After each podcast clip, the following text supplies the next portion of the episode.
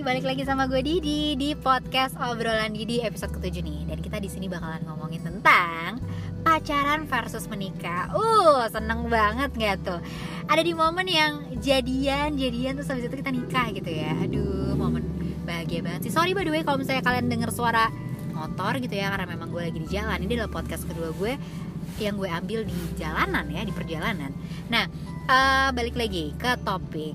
Ngomongin tentang jadian pacaran lama pasti memang kita sebagai perempuan inginnya uh, sampai di tahap menikah begitu ya. Tapi pertanyaannya sekarang kita udah siap belum? Nah gue sering banget tuh dapet obrolan-obrolan kayak Uh, cuman sebenarnya nikah tuh nggak gampang di. Menurut gue nikah ini cewek nggak gampang. Atau tapi misalnya dari teman perempuan sendiri gitu yang ngerasa tapi gue tuh belum siap gitu di. Nyiapin uh, dia sarapan pagi dan lain-lain. Nah untuk ngomongin lebih lanjut nih hari ini narasumber gue pas banget nih suami istri. Pasangan suami istri pertama dan hari ini gue akan ngobrol bertiga. Udah ada Mbak Winnie dan Mas Felix nih. Hai Hai. eh sahabat Didi sama sobat Didi. nggak ada kita belum ada belum. panggilan-panggilan Oh, belum. nih. Ah, iya, iya, iya. Iya ada. Jadi uh, di momen kali ini kita akan mungkin lebih banyak ngomong sama Mbak Winnie dulu kali Mas Felix ya. Nah ngomongin tentang uh, apa namanya pacaran versus menikah. Ini sebelum kalian uh, menikah pacarannya kalau boleh tahu berapa lama nih? Coba papi jawab papi. Ya hampir 10 tahun kalau nggak salah. Ya. Dua tahun, dua tahun, bohong. Dua tahun ya. Oke.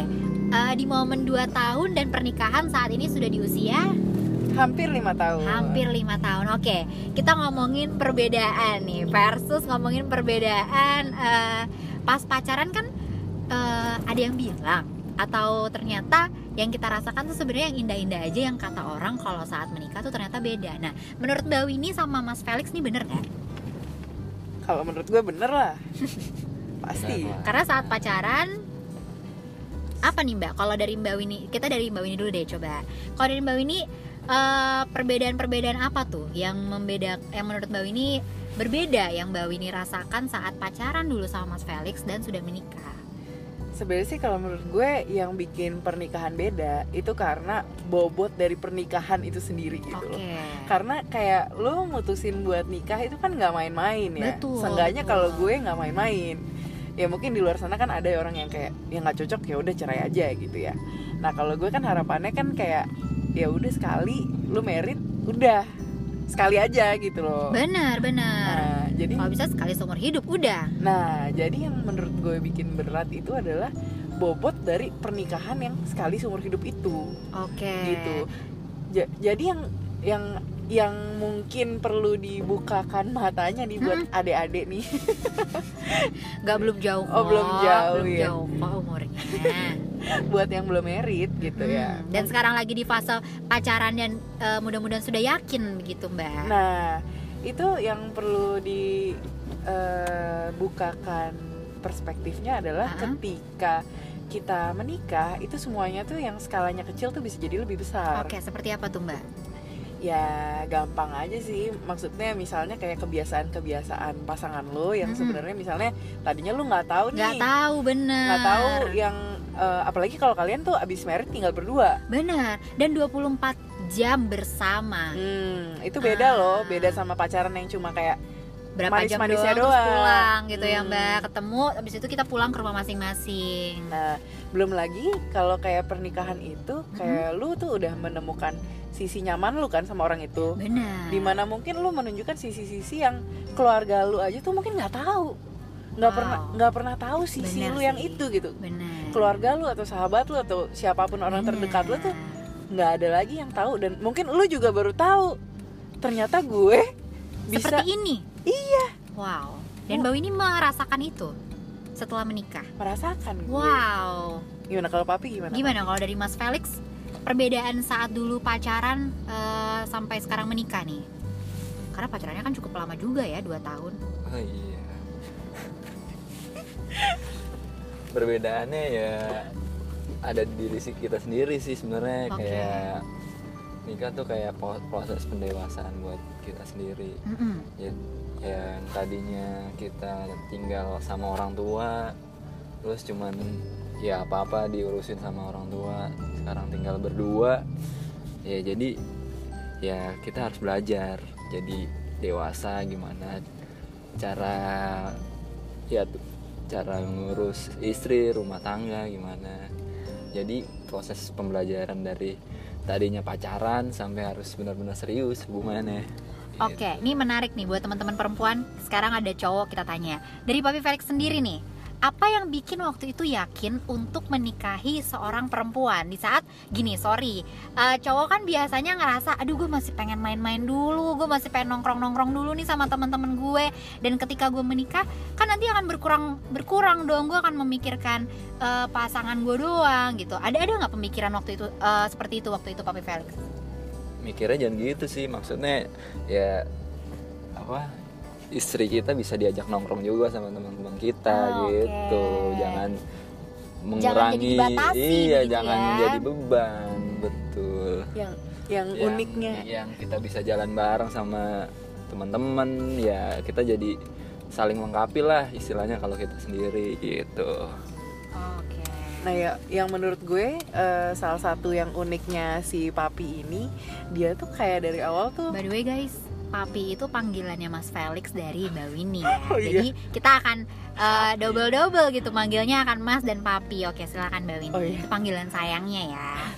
ya jadi uniknya si Papi ini, dia Mhm. tuh eh, pas hari empat hari keempat dia deketin gue, Mm-mm. dia tuh udah bilang gue niat pacaran tuh serius ya. gitu. Wow, langka nih cowok-cowok kayak gini nih. Iya, jadi gue gue pun gue pun nih yang gue belum kenal dia. Iya.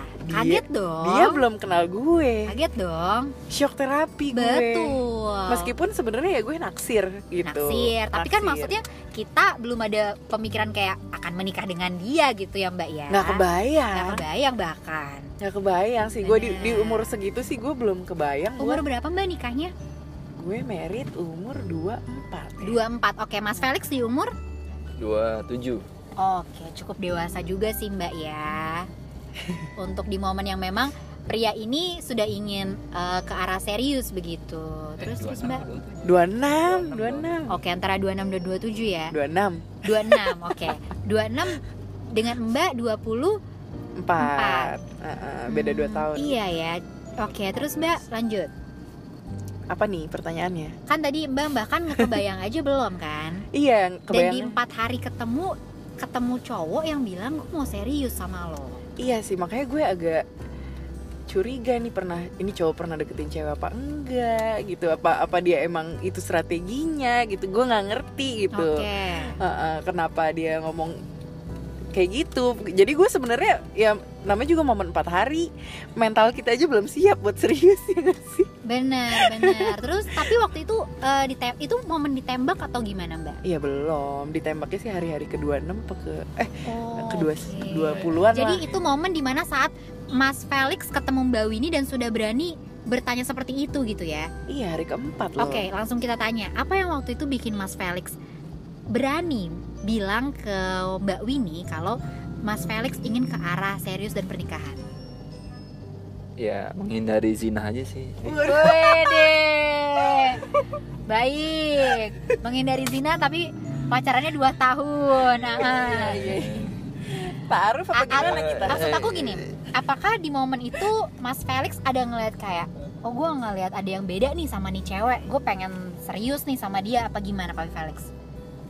iya jadi banyak apa awalnya banyak hobi-hobi yang, yang Sama? gitu. Oh Jadi- berawal berangkat dari hobi jadi mikirnya ya udah umur segitu juga ya mau serius lah pacaran gitu bukan karena eh, masa lalu yang misalnya bikin kamu tuh kayak aduh gue harus serius nih kali ini gitu atau gimana ada nggak yang kayak gitu ada sih kayak gitu maksudnya udah capek main-main main-main terus Oh, lu- oke. lu, lu mau ngapain lagi ke depannya gitu Nah berarti nih sebenarnya nih guys bisa kita ambil nih. Ada udah ada hikmah. Iya. Satu aja.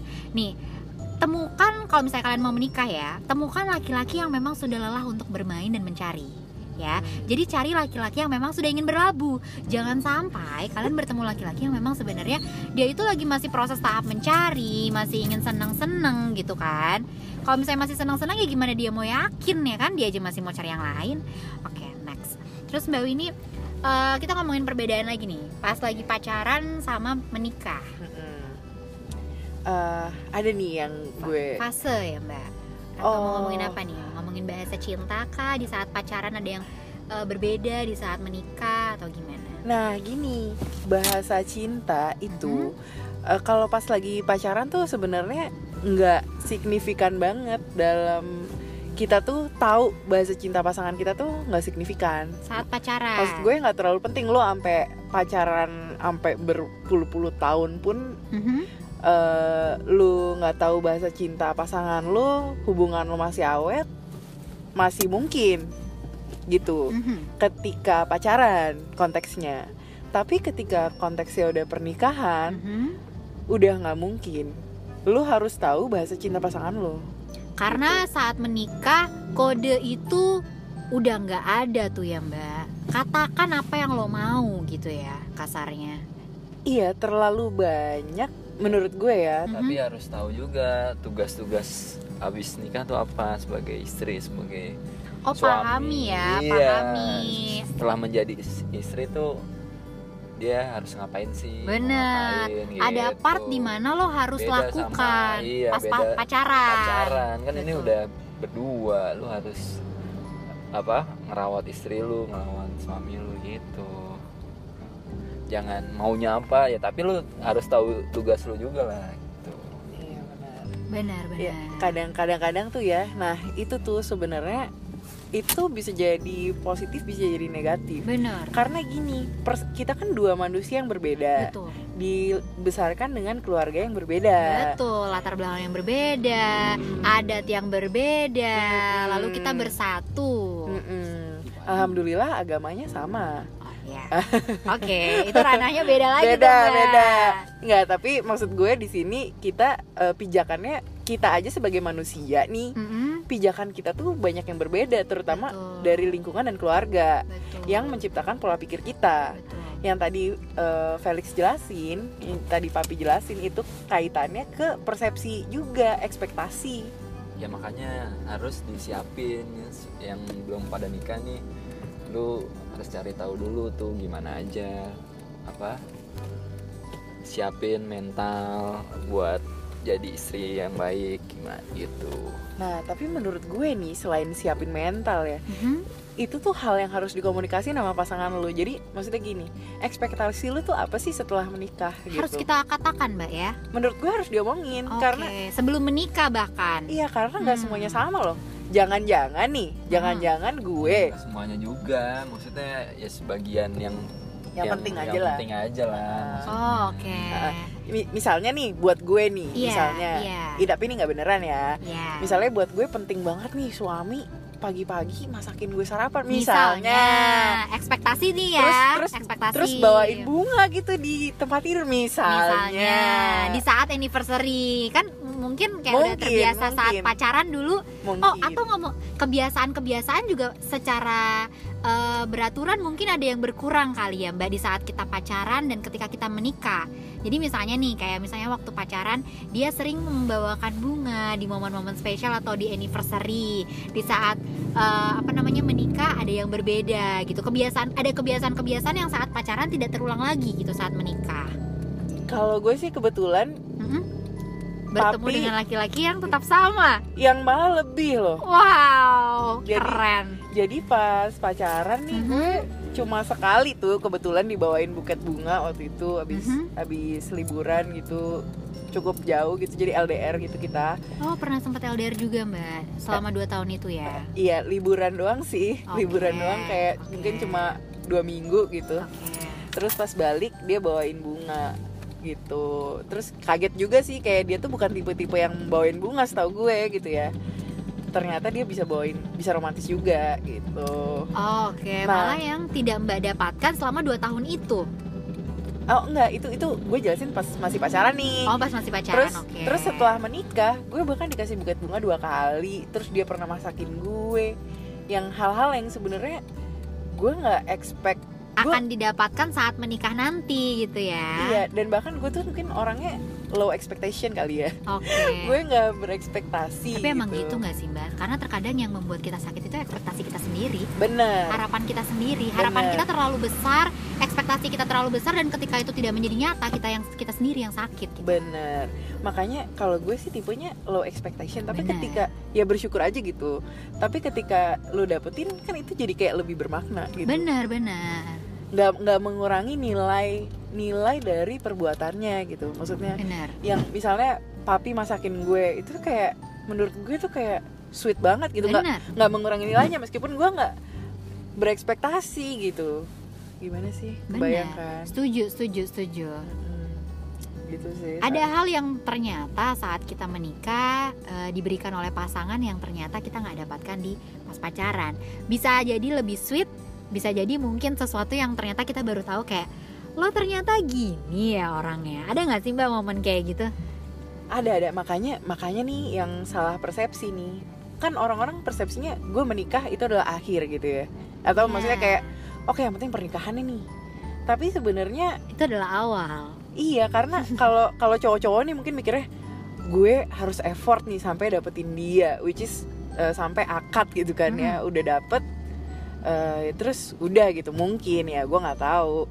Tapi uh, menurut gue tuh yang paling penting itu sebenarnya kayak yang tadi papi bilang ya mungkin kayak hal-hal kecil yang kita lakuin sehari-hari itu sebenarnya yang nunjukin rasa cinta kita sih yang ke pasangan kita gitu loh. Oke. Itu itu itu yang menurut gue yang orang tuh sering salah konsep soal cinta tuh sebenarnya tuh salah satunya tuh itu. Mm-mm. jadi kayak eh, sebenarnya apa sih? Lu kadang wondering gak sih eh, orang tua lu misalnya nyokap lu tiap hari mungkin bangun pagi masak gitu kan Benar, buat lu. Itu benar. itu kan mungkin untuk menunjukkan rasa cinta dia. Rasa peduli. Rasa peduli dia untuk untuk anak-anaknya untuk suaminya gitu kan. Benar. Dan mungkin ayahnya juga eh, effort gitu setiap hari bekerja gitu kan. Di kantor lembur misalnya. Gue nggak tahu gitu. Misalnya itu itu yang bikin sebenarnya kan banyak cara kita nunjukin eh, rasa cinta, cinta kita betul. gitu. Nah menurut gue yang paling penting yang lu bangun itu adalah yang sehari harinya itu. Dan yang gue bilang tadi balik lagi ke yang tadi gue belum selesaiin itu bahasa cinta itu kaitannya tuh itu. Karena kalau kita nggak tahu bahasa cinta pasangan kita bisa jadi pasangan kita jadi nggak tahu kita tuh sayang apa enggak sama dia. Wah, pahami bahasa cinta pasangan kita. Ngomongin tentang bahasa cinta ada lima kan berarti nih ya mbak ya? Ha-ha. kita kita remind lagi kali buat teman-teman yang lagi denger nih. Boleh. Yang pertama. Pertama tuh ada yang uh, words of affirmation nih. Jadi, words ya kata-kata Ah, berarti ya kata-kata. mbak pujian. Pujian. Pasang ketika pasangan kita senang dipuji Mm-mm. itu adalah momen di mana dia merasa dicintai ada ada gue salah satunya sih kayaknya Ha, atau kayak harus dibilang I love you gitu. Bener. Kalau kalau nggak dibilang, gue nggak ya nggak percaya nih gitu. kan kalau gue sih lebih ke gini mbak kalau gue tuh tipe yang kalau lo nggak ada kabar nggak ada kabar di momen yang mana kita bisa eh, memberikan berkasih kasihan melalui kata-kata menurut gue kayak ada apa nih kalau hari ini berbeda gitu gue nggak tahu sih mbak ini part dari bahasa cinta gue apa bukan tapi ya oke next mbak Oke, terus habis itu eh, mungkin ada yang physical touch. bener ini physical touch juga penting banget nggak ada yang menga- mengalahi sentuhan fisik sih Mm-mm. Karena ya mungkin ada beberapa orang yang emang cara bersentuhannya beda gitu untuk menunjukkan rasa cintanya. bener Jadi mungkin ya cara-cara pegang tangannya atau apanya gitu ada sesuatu yang berbeda gitu. Benar, dan itu adalah sebenarnya ketika pasangan lo melakukan hal itu ya, itu adalah momen di mana dia menyatakan cintanya dengan cara yang seperti itu. Mm-mm. Lalu mbak, selain physical touch, yang ketiga ada Yang ketiga itu ada act of act of service Oke, nih. act of service ya. Nah itu si papi nih salah satunya tipe dia- yang ini. Ha-ha.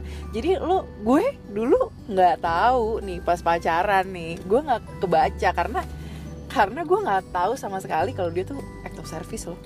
Selama 2 tahun dan mbak baru tahu saat menikah. Iya, Waduh, kacau.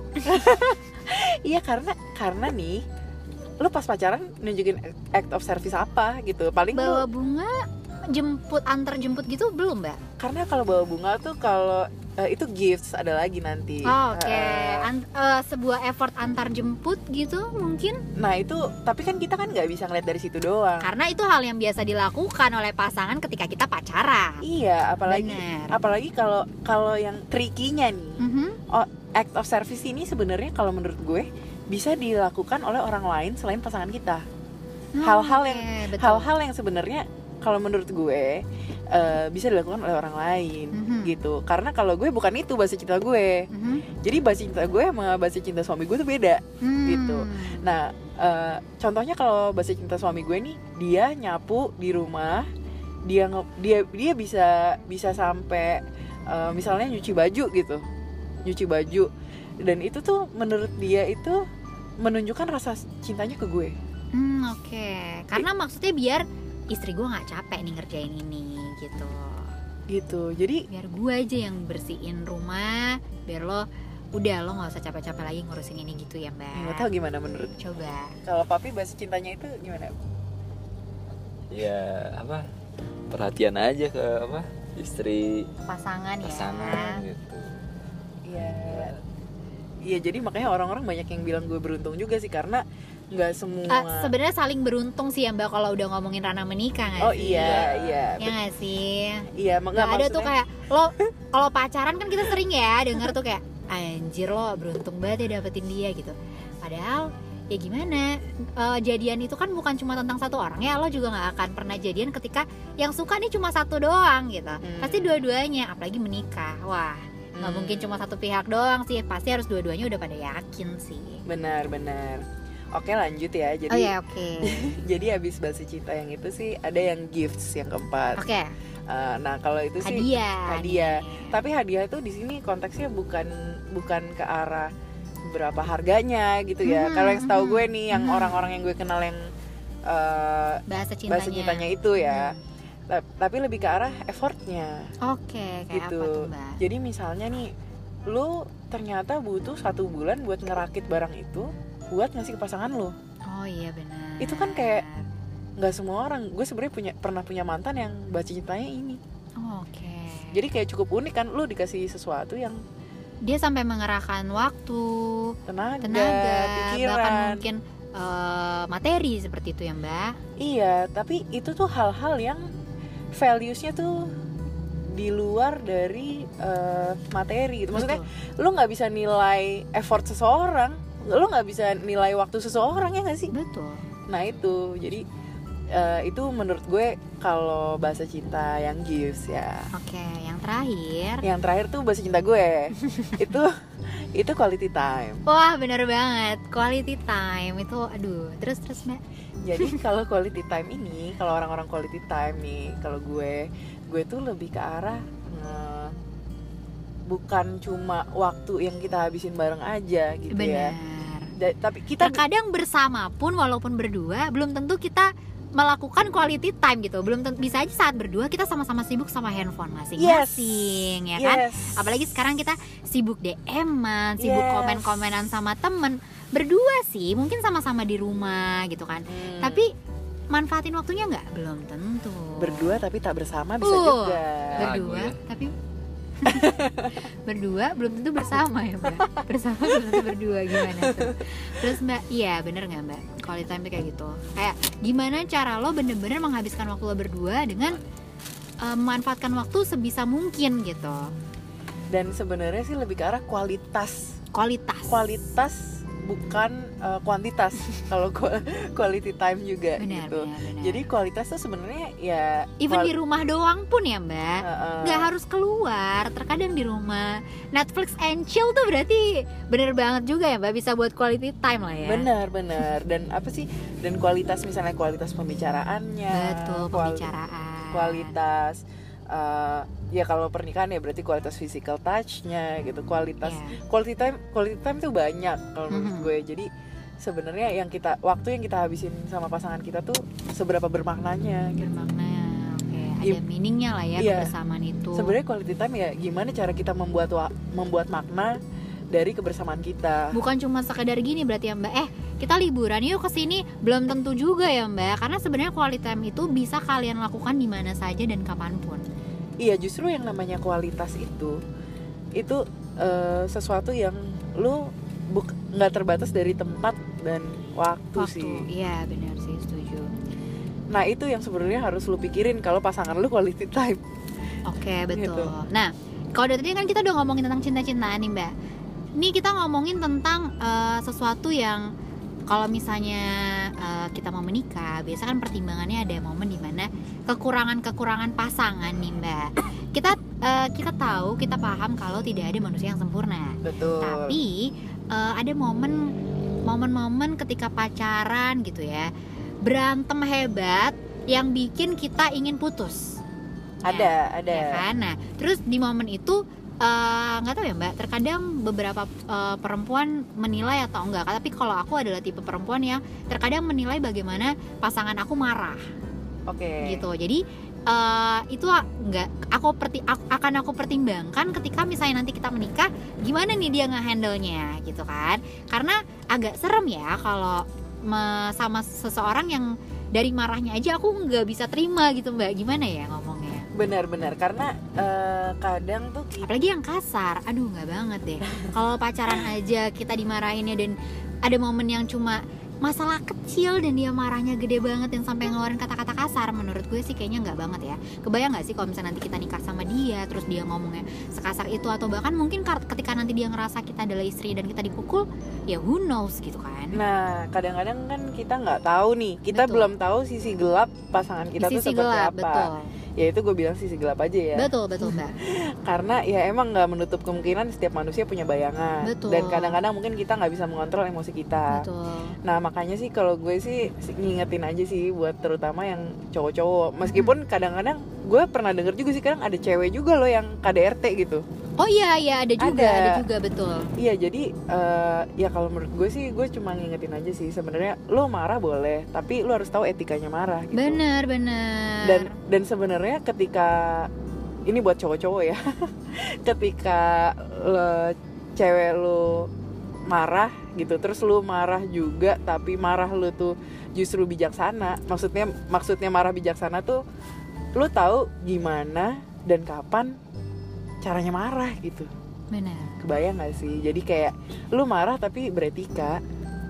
Nah, kalau dari ini dari segi cewek ya, coba biar eh, adil, biar fair kita tanya dari segi cowok nih. Kalau dari segi cowok nih, Mas Felix, eh, perihal marah kayak gitu dari dari pasangan saat pacaran tuh eh, gimana nih?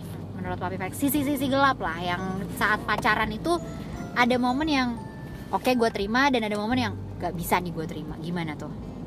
ya malahan pas pacaran tuh mendingan apa berantem berantem besar tuh di pacaran biar Oh, sembari ngeliat iya ya. ketahuan deh tuh Ketahuan. Lo bisa kayak terima gimana. apa iya, enggak, marahnya gitu kayak ya. gimana mendingan lu sebelum merit ya pasti ada lah yang apa berantem berantem paling apa paling, Hebat gitu paling lah, sampai hebat mau gitu putus. nah itu reaksi dia gimana lu bisa lihat di situ jadi ntar kebayang lah bayangan dia pas Kalau dari- dia pas merit gimana Kalau dari cowok nih eh, marah perempuan yang seperti apa yang menurut Mas Felix tuh nggak banget gitu?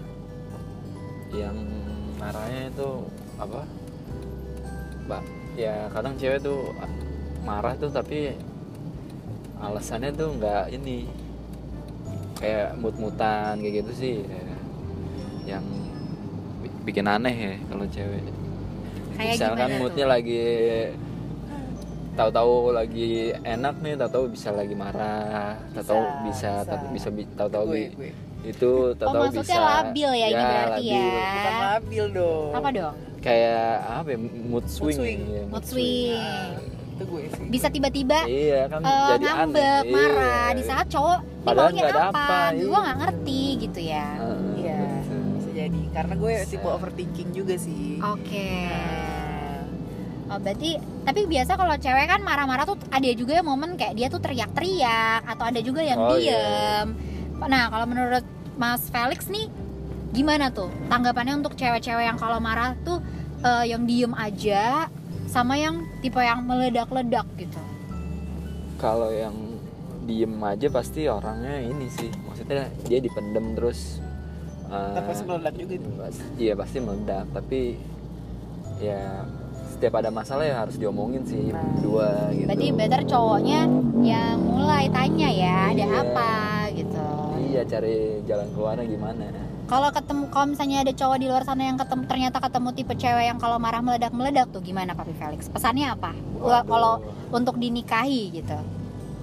Ya ya ta- ini sih misalnya tanya latar belakang dia apa kok bisa emosinya gitu sampai naik gitu apa emang sifatnya apa Mhm. emang apa emosinya naik turun gimana sebenarnya itu ada disordernya sih disordernya juga sih gue kalau sampai pernah baca. sih belum sampai yang kayak gitu ya belum pernah kalau yang sampai ngomong kata yang menyakitkan gitu Papi Felix misalnya kayak gue muak sama lo atau apa gitu oh belum sih belum ada untungnya Oke, sekarang kan maksudnya kalau ketika kita marah kan balik lagi ya Mbak, Mas.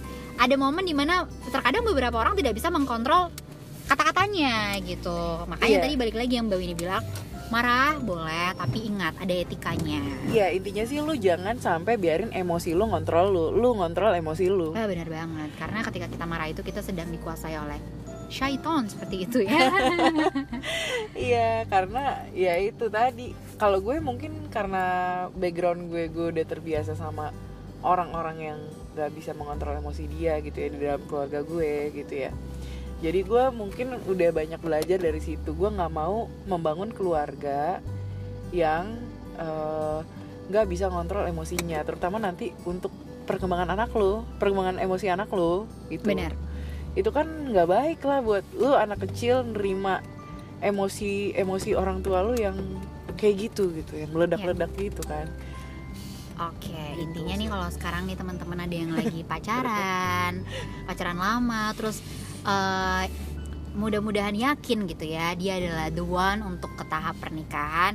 Yang pasti tadi ingat lagi eh, pesan dari Mas Felix dan Mbak Winnie eh, apa namanya usahakan lo udah siap mental ya dan eh, buat cowok-cowok yang ngerasa masih pengen main atau apa itu jangan jadikan alasan tapi malah itu jadi anggap istri lo itu adalah teman baru lo di tongkrongan lo ya. Jadi itu tuh bukan sebuah hambatan untuk lo tidak menikahi dia. Dan buat perempuan kalau mau marah tolong eh, ada etikanya begitu mbak Winnie ya. Perempuan dan laki-laki sih. Perempuan dan laki-laki betul laki-laki juga ya. Terutama laki-laki dong. Oh iya iya benar-benar. Karena Karena biasanya yang keras dan itu laki-laki ya. Yang merasa pemimpin pemimpin, pemimpin rumah tangga laki-laki. Dan pahami lagi sisi gelap dari pasangan lo. Paha- sisi gelapnya itu bisa lo terima apa enggak? Ketika lo bisa terima ya udah lanjut gitu kan?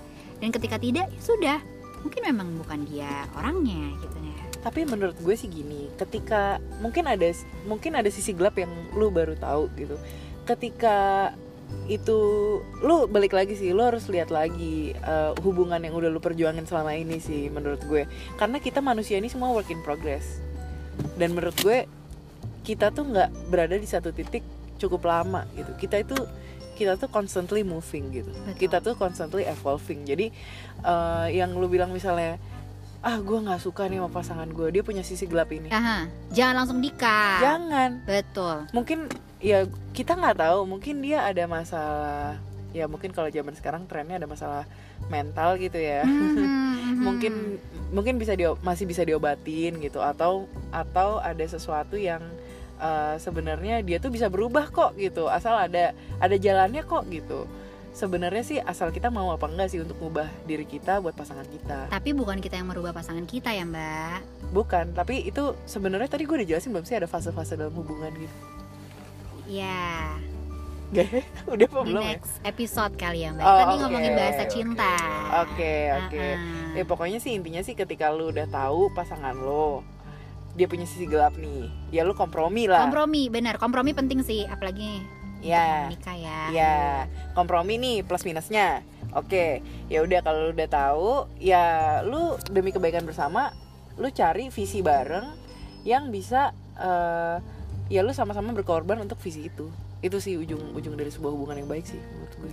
benar super ya seru banget dari ini ngobrolnya barengan langsung sama suami istri nih thank you banget nih Mas Felix dan Mbak Winnie bayar bayar Mungkin kita akhiri dulu episode kali ini. Terima kasih buat teman-teman yang udah dengerin. Terima kasih Mas Felix. Terima kasih Mbak Winnie. Ya. Sampai bertemu di next episode podcast obrolan Didi.